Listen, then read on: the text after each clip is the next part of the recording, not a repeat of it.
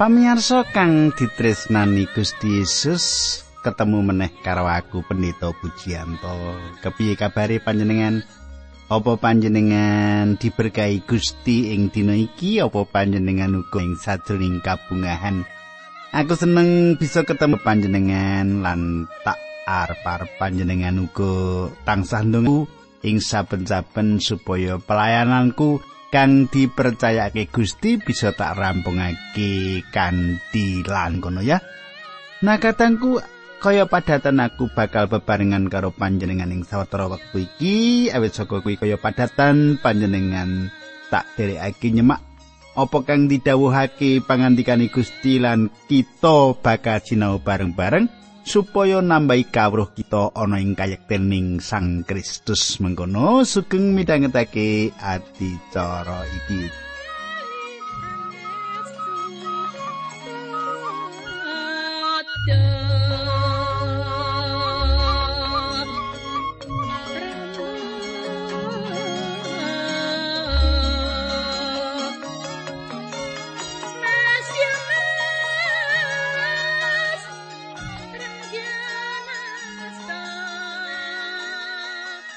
Sedulurku kang tresnani ing patemon kita kepungkur, kita wis nyemak kepiye Gusti Yesus bisa nggunakake panganiaya iku kang nuntun kita marang pangandikane Allah kanthi mengkono kita bisa lelati marang panjenengani.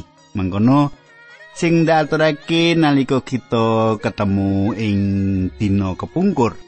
Piye apa panjenengan isih kelingan apa sing tak aturake iki? Nah, saiki kepiye? Kita bakal nerusake lan sadurunge kuwi kita ndedonga dhisik. Nanging perlu tak aturake salam dhisik marang Bapak Suparjo. Kados pundi Bapak Suparjo menapa panjenengan tasih makarya wonten Aceh Pak Parjo menika satunggalipun priyantun ingkang gadah kerinduan, gadah momotan, gadah beban kangge nulungi sederek-sederek kita ingkang wonten Aceh nggih. Nalika sewantun wangsul kula kepanggih kalian ibu lan keluarganipun. Nah, kata ndedonga dhisik sadurunge kita terusake. Duh Kanjeng Rama ingkang ada dampar wonten kraton ing kasuwargan kawula ngaturan Menawi wekdal menika kawula saged tetunggilan kalian sederek-sederek kawula ingkang setya tugu midhangetaken adicara menika. Kawula nyuwun sederek-sederek kawula ingkang gadah tujuan, gadah angka, gadah beban ing gesangipun mitulungi sederek-sederek kawula ingkang sakmenika nandhang kesrakat supados paduka ugi berkahi paduka paringi tekad ingkang saestu awit sedaya menika kunjuk kaluhuran ko lan kawula nyuwun supados paduka reksa keluarganipun ingkang dipun tilar kawula nyuwun tuntunanipun Gusti linambaran asmanipun Gusti Yesus Kristus. Kawula ndedonga haleluya amin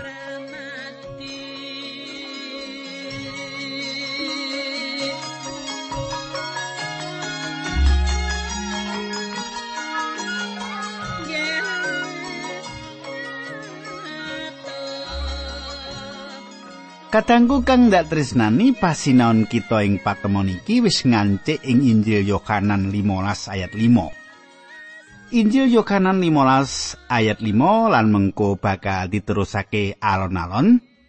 Nanging sadurunge kuwi ayo panjenengan tak dherekake luwih dhisik nyemak Yohanan 15 ayat 10 lan 14. Panjenengan tak dherekake nyemak Injil Yohanan 15 ayat 10 nganti 14. Mengkini surasani. Manawa kowe netepi pepakonku, kowe mesti padha tetep dumunung ing sihku, padha kaya anggonku wis netepi dawuh ramaku lan tetep dumunung ing sih. Kowe kuwi mitraku menawa kowe padha nglakoni pepakonku marang kowe. Kuwi sing ayat 14. Nah, kadangku kang datrisnani. Menawa Gusti Yesus ngandikan yen kita iki mitrani. Yen Gusti ngandikan yen kita iki mitrani, apa kang dingendikake Gusti Yesus kuwi pancen ngidapi-dapi. Ngidapi-dapi. Nanging kang dadi masalah yaiku apa kita nindakake apa kang dadi pepakone apa ora. Pambangun penting banget. Supaya kita bisa tetep dumunung ing sakjroning panjenengani. Saiki Yohanes 15 ayat 9 mengkene surasani. Kaya Sang Rama wis ngasi aku, mengkono uga aku ya wis ngasi kowe. Padha tetep dumunung ing sihku iku. Katengku. Tembung dumunung, tembung dumunung uga ateges tetunggilan kang terus-terusan. Tetunggilan kang terus-terusan. Ya kaya mangkono kuwi gegayutane antarane pang karo wit anggur. Kabeh pang kuwi dumunung ana ing wit lan metokake woh. Pang-pang kuwi ora bakal lunga sak paran-paran ninggalake wite, ora ana. Akeh wong Kristen kang duwe pikiran wong-wong mau bisa nglakoni urip kaya iblis sing sakjroning seminggu lan ing Sabtu bengi banjur teka lan nglayani Gusti ing dina Minggu. Kita kudu tetep ana ing satunggilan kang tetep karo Gusti supaya kita bisa metokake woh. Iku ateges nalika panjenengan tangi ing wayah esuk, nalika panjenengan ana ing meja nyambut gawe panjenengan utawa ana ing ngendi wae panjenengan, panjenengan kudu tetep dumunung ana ing sajroning patunggilan karo panjenengani. Dadi tumindak apik iku kudu mung dina minggu tok ya. Dina minggu iso mulang sekolah minggu iso nglayani umat Gusti Allah ning nek Senin tekan Setu uripe kaya iblis. Lah nek ngono iki ora bener nek jenengan ngono kuwi kudu mertobat ya. Aja diteruske ngono-ngono kuwi ya. Nek diselentik Gusti engko akeh kapok. ya saiki tak teruske. Coba panjenengan katakake Yohanes 15 ayat 5. Aku iki wite anggur lan kowe pang-pangi. Sing sapa tetep dumunung ana ing aku, lan aku ana ing dheweke iku kang metu woe akeh awit menawa tanpa aku tumindak apa-apa Katengku, awit kita duwe kekarepan kang bebas, kehendak bebas. Kita bisa mutusake patunggilan karo Allah kanthi cara ngidinake dosa mlebu ing sakjroning urip kita, yaiku kanthi jumangkah metu saka kersane Allah utawa kanthi nindakake urip secara kadonyan. Gusti Yesus ngersakake kita dumunung kanthi mangkono kita bisa metokake woh. Ana pangandikan iku meh padha karo pasemon si juru nyebar. Saperangan winih tiba ing lemah kang subur lan metokake woh 30 lipet yaiku woh. Woh. Sawetara kang liyane metokake woh lipet kaping swidak, luwih akeh. Sawetara metokake woh 100 lipet. Iki woh kang luwih akeh maneh. Gusti Allah. Katengku ngersakake supaya kita metokake woh. Panjenengan wis ngetokake woh urung? Dereng kok, Pak. Lho piye kuwi kok? Dadi wong Kristen seprono seprene kok ijek ngono wae. Iya ta. Aja ngantek ditukani ngono ya. Nah, saiki ayat 6. Sing sapa ora tetep dumunung ana ing aku iku dibuang metu kaya pang mau. Temah dadi garing tumuli padha dikukupi lan banjur dicemplungake ing geni sarta diobong. Kadangku ayat iki meratilake kegayutan karo bab metokake woh. Hasil saka keselamatan kita. Ayat iki ora meratilake kepiye kita dislametake, ora. Paulus nggunakake pasemon kang siji kanggo nyetakake perkara kang padha ing sajroning siji Korinta telu ayat 11 nganti telas. Mungkin surasani. Sebab ora ana wong kang bisa masang tetales liyane kejaba kang wis dipasang yaiku Gusti Yesus Kristus. Mbuh anggone mbanguning sak dhuwure iku mau migunakake emas, sloko, watu ati, kayu, suket garing utawa damen, besok garapane sawi mau bakal kawiyak. Awit dinani Gusti kang bakal nelakake marga tekani bakal kairing ing geni lan garapane sawiji-wijining wong bakal dinadaring geni mau. Ayat iki meratelakake kegayutan karo pakaryane wong-wong pracaya. Woh kauripan sawijining wong pracaya. Woh kauripane wong pracaya. Geni bakal murnakake mas salaka lan watu adi geni mau mbuang kabeh reget. Kayu suket garing utawa damen bakal kobong entek. Nah, sak banjure siji Korinta 3 ayat 14 mratelake mengkini. Menawa garapan kang diedekake bisa lestari, wong iku bakal tampa pituwas. Kadangku aku yakin pituwas sing kono mung diparingake kanggo woh-woh urip kita. Dudu kita kang ngasilake woh iku. Gusti Yesus kang ngasilake woh iku nalika kita dumunung ana ing sajroning panjenengani. Kadangku, wong percaya kang ora dumunung ana ing sajroning Sang Kristus bakal dibuang metu kaya pang lan dadi garing. Sebanjure diklumpukake wong lan dibuang menyang genen banjur diobong. Perkara iki dibaleni meneh ing sadroning 1 Korinta 3 ayat 15. Sat 1 Korinta 3 ayat 15. Menawa garapane kobong wong iku bakal kapitunan nanging awake dhewe bakal kapitulungan rahayu mung wae patrape kaya mentas saka geni. Kadang wong iku bisa uga bakal mlebu swarga isih mambu pego nanging wong iku ora bakal kelangan keselamatani. Salah siji perkara kang mrihatinake ing jaman saiki yaiku rata-rata wong Kristen percaya yen metokake woh iku angel banget lan tundone wong-wong mau nglakoni urip sing biasa-biasa wae kanthi pangarep-arep bisa metokake woh kang biasa-biasa wae. Nanging eling yen Gusti ngersakake kita supaya kita metokake woh kang akeh. Gusti ngersakake kita supaya kita metokake woh kang akeh. Ayat pitulan wolu Yohanan 15. Menawa kowe padha tetep dumunung ana ing aku lan pituturku tetep dumunung ana ing kowe, padha nyenyuwuna apa wae kang kok karepake mesti bakal keturutan. Kang dadi margane ramaku kaluhurake yaiku menawa kowe padha metokake woh akeh. Sarta marga saka mengkono kowe padha tetelo yen dadi siswaku. Kadangku kang ditresnani Gusti Yesus ana ing ayat iki ngandhut janji kang ngidapi-dapi kegayutan karo donga. Nanging panjenengan semak syarat kang ana ing kono manawa kowe padha tetep dumunung ana ing aku lan pituturku tetep dumunung ana ing kowe. Iki ateges kita kudu bangun turut marang panjenengani. Tujuan utama saka kita dumunung ing sakjroning Sang Kristus lan saka donga kita yaiku supaya Sang Rama diluhurake. Dadi syarat iki ngilangi rasa mentingake awake dhewe ana ing sajroning donga. Ayat 9 tekan 11 mangkene surasane kaya Sang Rama wis ngasi aku mengkono aku ya wis ngasi kowe padha tetep dumunung ing sihku. Menawa kowe netepi pepakonku, kowe mesti padha tetep dumunung ing sihku, padha kaya anggonku wis netepi dawuhe ramaku lan tetep dumunung ing sih.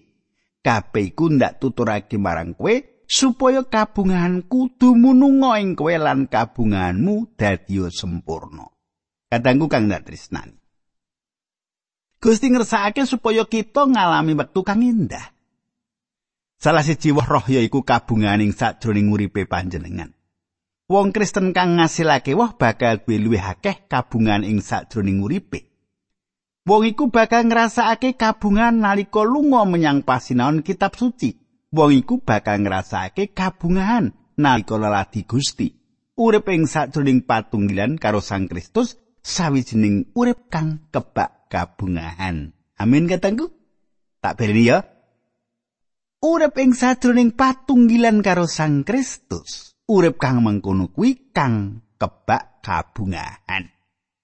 Ayat 13. Pepakonku iku mangkene ya iku supaya kowe padha tresna tinresnanono dikaya anggonku wis tresnani kowe. Kadangku kang ditresnani Sang Kristus, panjenengan kudu eling yen Gusti Yesus lagi memulang wong-wong percaya. Kita kudu tresna tinresnanan kaya panjenengan tresnani kita. Banget mrihatinake menawa ndeleng ana wong Kristen ing gereja gereja kita gereja panjenengan lan aku kang cecongkrahan lan pitenah-pitenahan Sang Rasuti ora bakal makarya ing sajroning kahanan kang kaya mengkono iki wong Kristen do congkrah wong Kristen do pitenah-pitenah. Wong bisa wae nampani mulangan isine kitab suci sak butuhe nanging wong kuwi isih nampek pepakone Allah iki. Tresnani dikaya panjenengane anggone tresnani kita. Dadi jalaran kita kudu ngutamakake katresnan iku. Mung Sang Roh Allah kang bisa ngasilake katresnan kang kaya mengkono ing sajroning urip kita. Saya kita terus ke ayat 13 tekan 14 Yohanan 15. Ora ana katresnan kang gedining luwi katresnane wong kang ngetohake nyawani kanggo nglabuhi mitra-mitrani. Ya iki pendadarani ya. Pendadarani iki ujian iki ya. Nek tresno tenanan kuwi wani nglabuhi mitra-mitrane. Ayat 14. Kowe iku mitraku menawa kowe padha nglakoni pepakonku marang kowe. Katangku, urip Kristen dudu urip kang mung coba-coba kang ora mesti tujuane. Urip Kristen ya kuwi nindakake pepakone Gusti lan pepakon iku cetha banget. Menawa panjenengan nindakake pepakone iku, panjenengan bakal ngasilake woh. Gusti Yesus maringake sugenge kanggo kita. Panjenengane paring dawuh marang kita supaya kita mbangun turut marang panjenengane. Panjenengane kuwi mitra kita awet panjenengane wis sedo kanggo kita. Kita iki para mitrane manawa kita nindakake apa kang dadi pepakone. Cetha ya? Cetha. Saiki ayat 15 lan 16. Aku ora ngarani abdi meneh marang kowe sebab abdi ku ora sumurup marang penggawene bendarani. Nanging kowe wis padha ndak arani mitra jalaran sak barang kang wis ndak rungu saka ramaku iku wis ndak sumurupake kabeh marang kowe. Dudu kowe kang padha milih aku nanging aku kang milih kowe sarta aku wis netepake supaya kowe padha lunga lan metokake woh lan wohmu iku lestari dimen kowe padha kajurungono apa kang kok suwun marang Sang Rama atas saka jenengku. Kadangku kang ditresnani Gusti Yesus. Kita iki mitrani Gusti Yesus menawa kita nindakake apa wae kang dadi pepakone marang kita. Saiki panjenengane ngendika supaya kita mbukakake ati kanggo panjenengane. Gusti Allah meratelake sarirane marang kita. Eling, kepiye panjenengane naliti Abraham kanggo meratelake rancangane marang Abraham awit Abraham iku mitrani.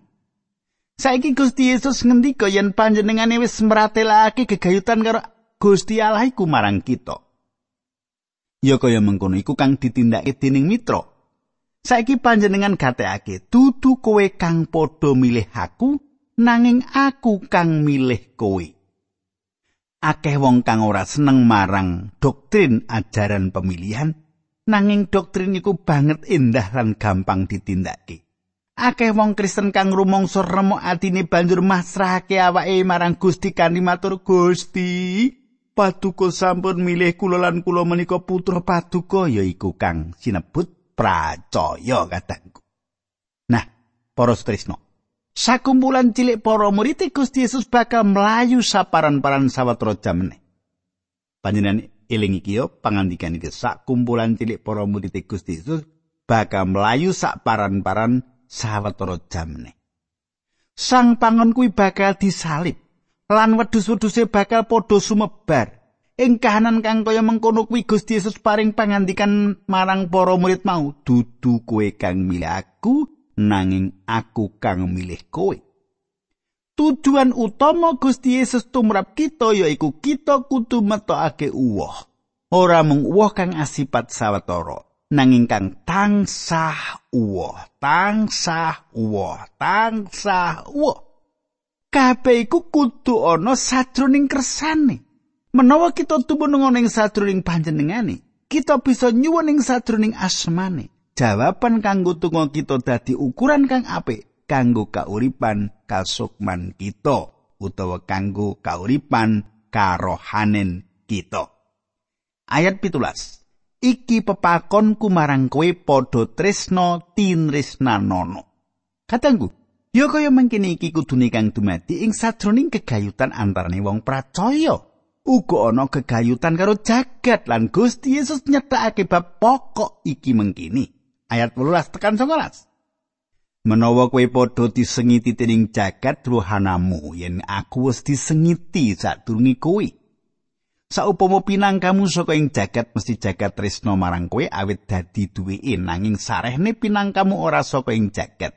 Malah aku wis mili kowe saka ing jagat mulane jagat sengit marang kowe. Katangku kang ditresnani Gusti, panjenengan gatekake apa kang bakal dumati menawa panjenengan dadi putrane Allah. Jagat bakal sengit marang panjenengan. Aku yakin misuwure wong Kristen bisa dadi salah sijine tondo yen wong iku makili Sang Kristus kanggo jagat iki. Aku ora yakin yen ana wong Kristen kang tenan-tenan anggone ibadah bisa dadi wong kang banget dening misuwuring jagat iki. Ora ana wong Kristen siji wae kang duwe hak kondo yen dheweke luwih misuwur ketimbang Gusti Yesus. Panjenengan kudu waspada gegayutan karo patrap ngompromekake keyakinan supaya panjenengan dadi misuwur. jagat ora bakal tresnani wong kang dadi putra Allah kang tenanan. Jagat bakal tresnani panjenengan menawa panjenengan asale saka jagat iki. Panjenengan ora kudu duwe patrap dadi wong kang seje utawa angluweh-luweh anggone nindakake agama. Jagat bakal sengit marang panjenengan menawa panjenengan iku putra Allah. Apa kang ndak aturake iki sawijining bab kang angel, mligine kanggo wong-wong kang kepengin banget dadi wong kang misuwur. Kadangku, Ayo kita nyetakake marang kabeh wong. Apa to kang dikersakake Gusti? Wong ora bakal dadi misuwur kanggo jagat yen wong iku dadi para putrane Allah. Emane. Emane ake wong ing gereja jaman iki kang ora tenanan dilairake meneh. Lan wong-wong uga bakal melu sengit panjenengan menawa panjenengan iku dadi putrane Allah. Cetha ya katengku ya. Saiki ayat 20 nganti 22. padha elinga marang pitutur kang wis ndak wulangake marang kowe kang jeneng abdi ku ora ngungkuli bendarani menawa aku iki wis dikaningaya kowe ya mesti bakal dikaningaya menawa iku padha netepi dawuhku mesti ya netepi pituturmu nanging iku kabeh bakal katandukake marang kowe marga saka aku awit padha rawanuh marang panjenengane kang ngutus aku Saupama aku ora teka lan ora mituturi wong-wong iku mesti ora padha gawe dosa. Nanging saiki wong-wong iku ora duwe alasan ing bab dosane. Kadangku kang disi Gusti Yesus, aja mbudidaya. Supaya panjenengan dadi luwih gedhe tinimbang karo Gusti Yesus, wartakno wae iku pangandikan. Wong-wong kang kaningaya panjenengan duwe rong perkara. Wong-wong mau ora wanuh karo Sang Rama, lan wong-wong sing nganingaya mau ora kepengin dosa-dosane dibuka. Gusti Yesus Kristus ngurupake pepadang kasuwarganing sajroning jiwane manungsa. Saben ana wong kang ngurupake lampu, mesti ana perkara-perkara kang bakal dumati, tikus, coro lan ula sengit marang padang lan kewan-kewan mau bakal sidan nalika kewan-kewan mau ndeleng pepadang. Kewan-kewan mau sengit marang wong kang ngurupake lampu. Gusti Yesus paring pangandikan, wong-wong mau sengit marang aku tanpa sebab. Ora ana jalarane babar pisan sengit karo Gusti Yesus. Kang dadi jalaran mung awit atine manungsa kang dosa wae. Ayat 23. Sing sapa sengit marang aku ya sengit marang ramaku uga. Kadangku ayat iki ayat kang banget dening penting. Jagat ora sengit marang gagasan bab Allah minangka pribadi kang luwih ngedapi-dapi Sang Kristus kang sejatine disengiti. Gusti Yesus paring pangandikan sapa kang sengit marang panjenengani, wong iku uga sengit marang Allah Sang Rama. Panjenengan bisa kondo, panjenengan percaya marang Allah nanging pendadaran kang sakbeneri ana ing kegayutan lan patrap panjenengan karo Sang Kristus. Panjenengan ora bisa dadi misuwur ing paningane jagat lan uga dadi wong kang percaya marang Gusti Yesus Kristus awit panjenengane pribadi kang disengiti dening jagat. Ayat patikur nganti selawi. Saupama aku ora nindakake penggaweane ing antarane kang durung tau ditindakake dening wong liya, mesti ora padha dosa. Nanging saiki senajan wis padha weruh marang iku kabeh, ewadene ya padha sengit marang aku lan marang ramaku. Nanging kang mengkono iku supaya kayektenono pangandika kang katulisan ing kitab Toret Surasani tiang-tiang menika sami sengit dateng kawula tanpa sebab. Kadangku kang disi Gusti. Ana wong kang tau kondo Gusti Allah nitahke menungso selaras karo gambar lan pasemone lan saiki manungsa nyiptakake Allah selaras karo gegambarani yaiku jenis Allah kang wong-wong mau karepake ing jaman saiki. Yaiku jenis Allah kang wong-wong mau karepake ing jaman saiki lan jenis Allah kang manut pikirane nguasani jagat raya wong-wong mau sengit karo Gusti Yesus Kristus awit wong-wong mau wis nyiptakake Allah kang palsu kang dudu Allah kang tinulis ana ing sajroning kitab suci iki. Ayat 16 lan 17 menawa sang juru panglipur kang bakal ndautus saka sang Rama. Rawuh ya iku roe kayekten kang miyos saka sang Rama iku bakal nekseni bab ing ngatasé aku. Ananging kowe ya kudu padha dadi seksi marga kowe padha nunggal karo aku wiwit-wiwitan mula Kadangku sang roh suci menehi paseksi bab sang Kristus. Menawa Gusti Yesus Kristus iku nyoto kanggo panjenengan iku kabeh atas hasil pakaryane sang roh suci.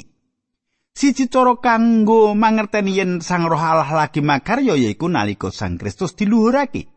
Menawa Gusti Yesus ora nyoto marang panjenengan kaya dini kang panjenengan karepake nyuwuna marang Sang Roh Allah supaya makarya oning sadurunge ati panjenengan. Kita perlu duwe kasunyatan gegayutan karo Sang Kristus ing sadurunge urip lan ati kita. Gusti Yesus paring pangandikan marang para murid kagungani, para murid bakal menehi paseksi gegayutan karo Gusti Yesus. paseksi saka Yohanes kekayutan Gusti Yesus Kristus iku kang kita lagi sinau saiki. Ora ana wong liya kajaba para rasul kang bisa menehi paseksi kang kaya mengkono awit para rasul kuwi kang wis bebarengan karo Gusti Yesus wiwit-wiwitan. Amin. Katangku tak cukupi semene dhisik. Diterusake dina candhake aja lali. aja lali jenengan ora ngrungokake ya lan saiki kita perlu ndedonga dhisik. Duh Gusti Allah matur sembah nuwun kawula sampun ngandharaken kayektosan saking pangandikan Paduka Gusti. Kawula nyuwun Gusti berkahi tenak kadang kawula ingkang setya tuhu menika linambaran asmanipun Gusti Yesus Kristus kawula tetunggal. Haleluya. Amin.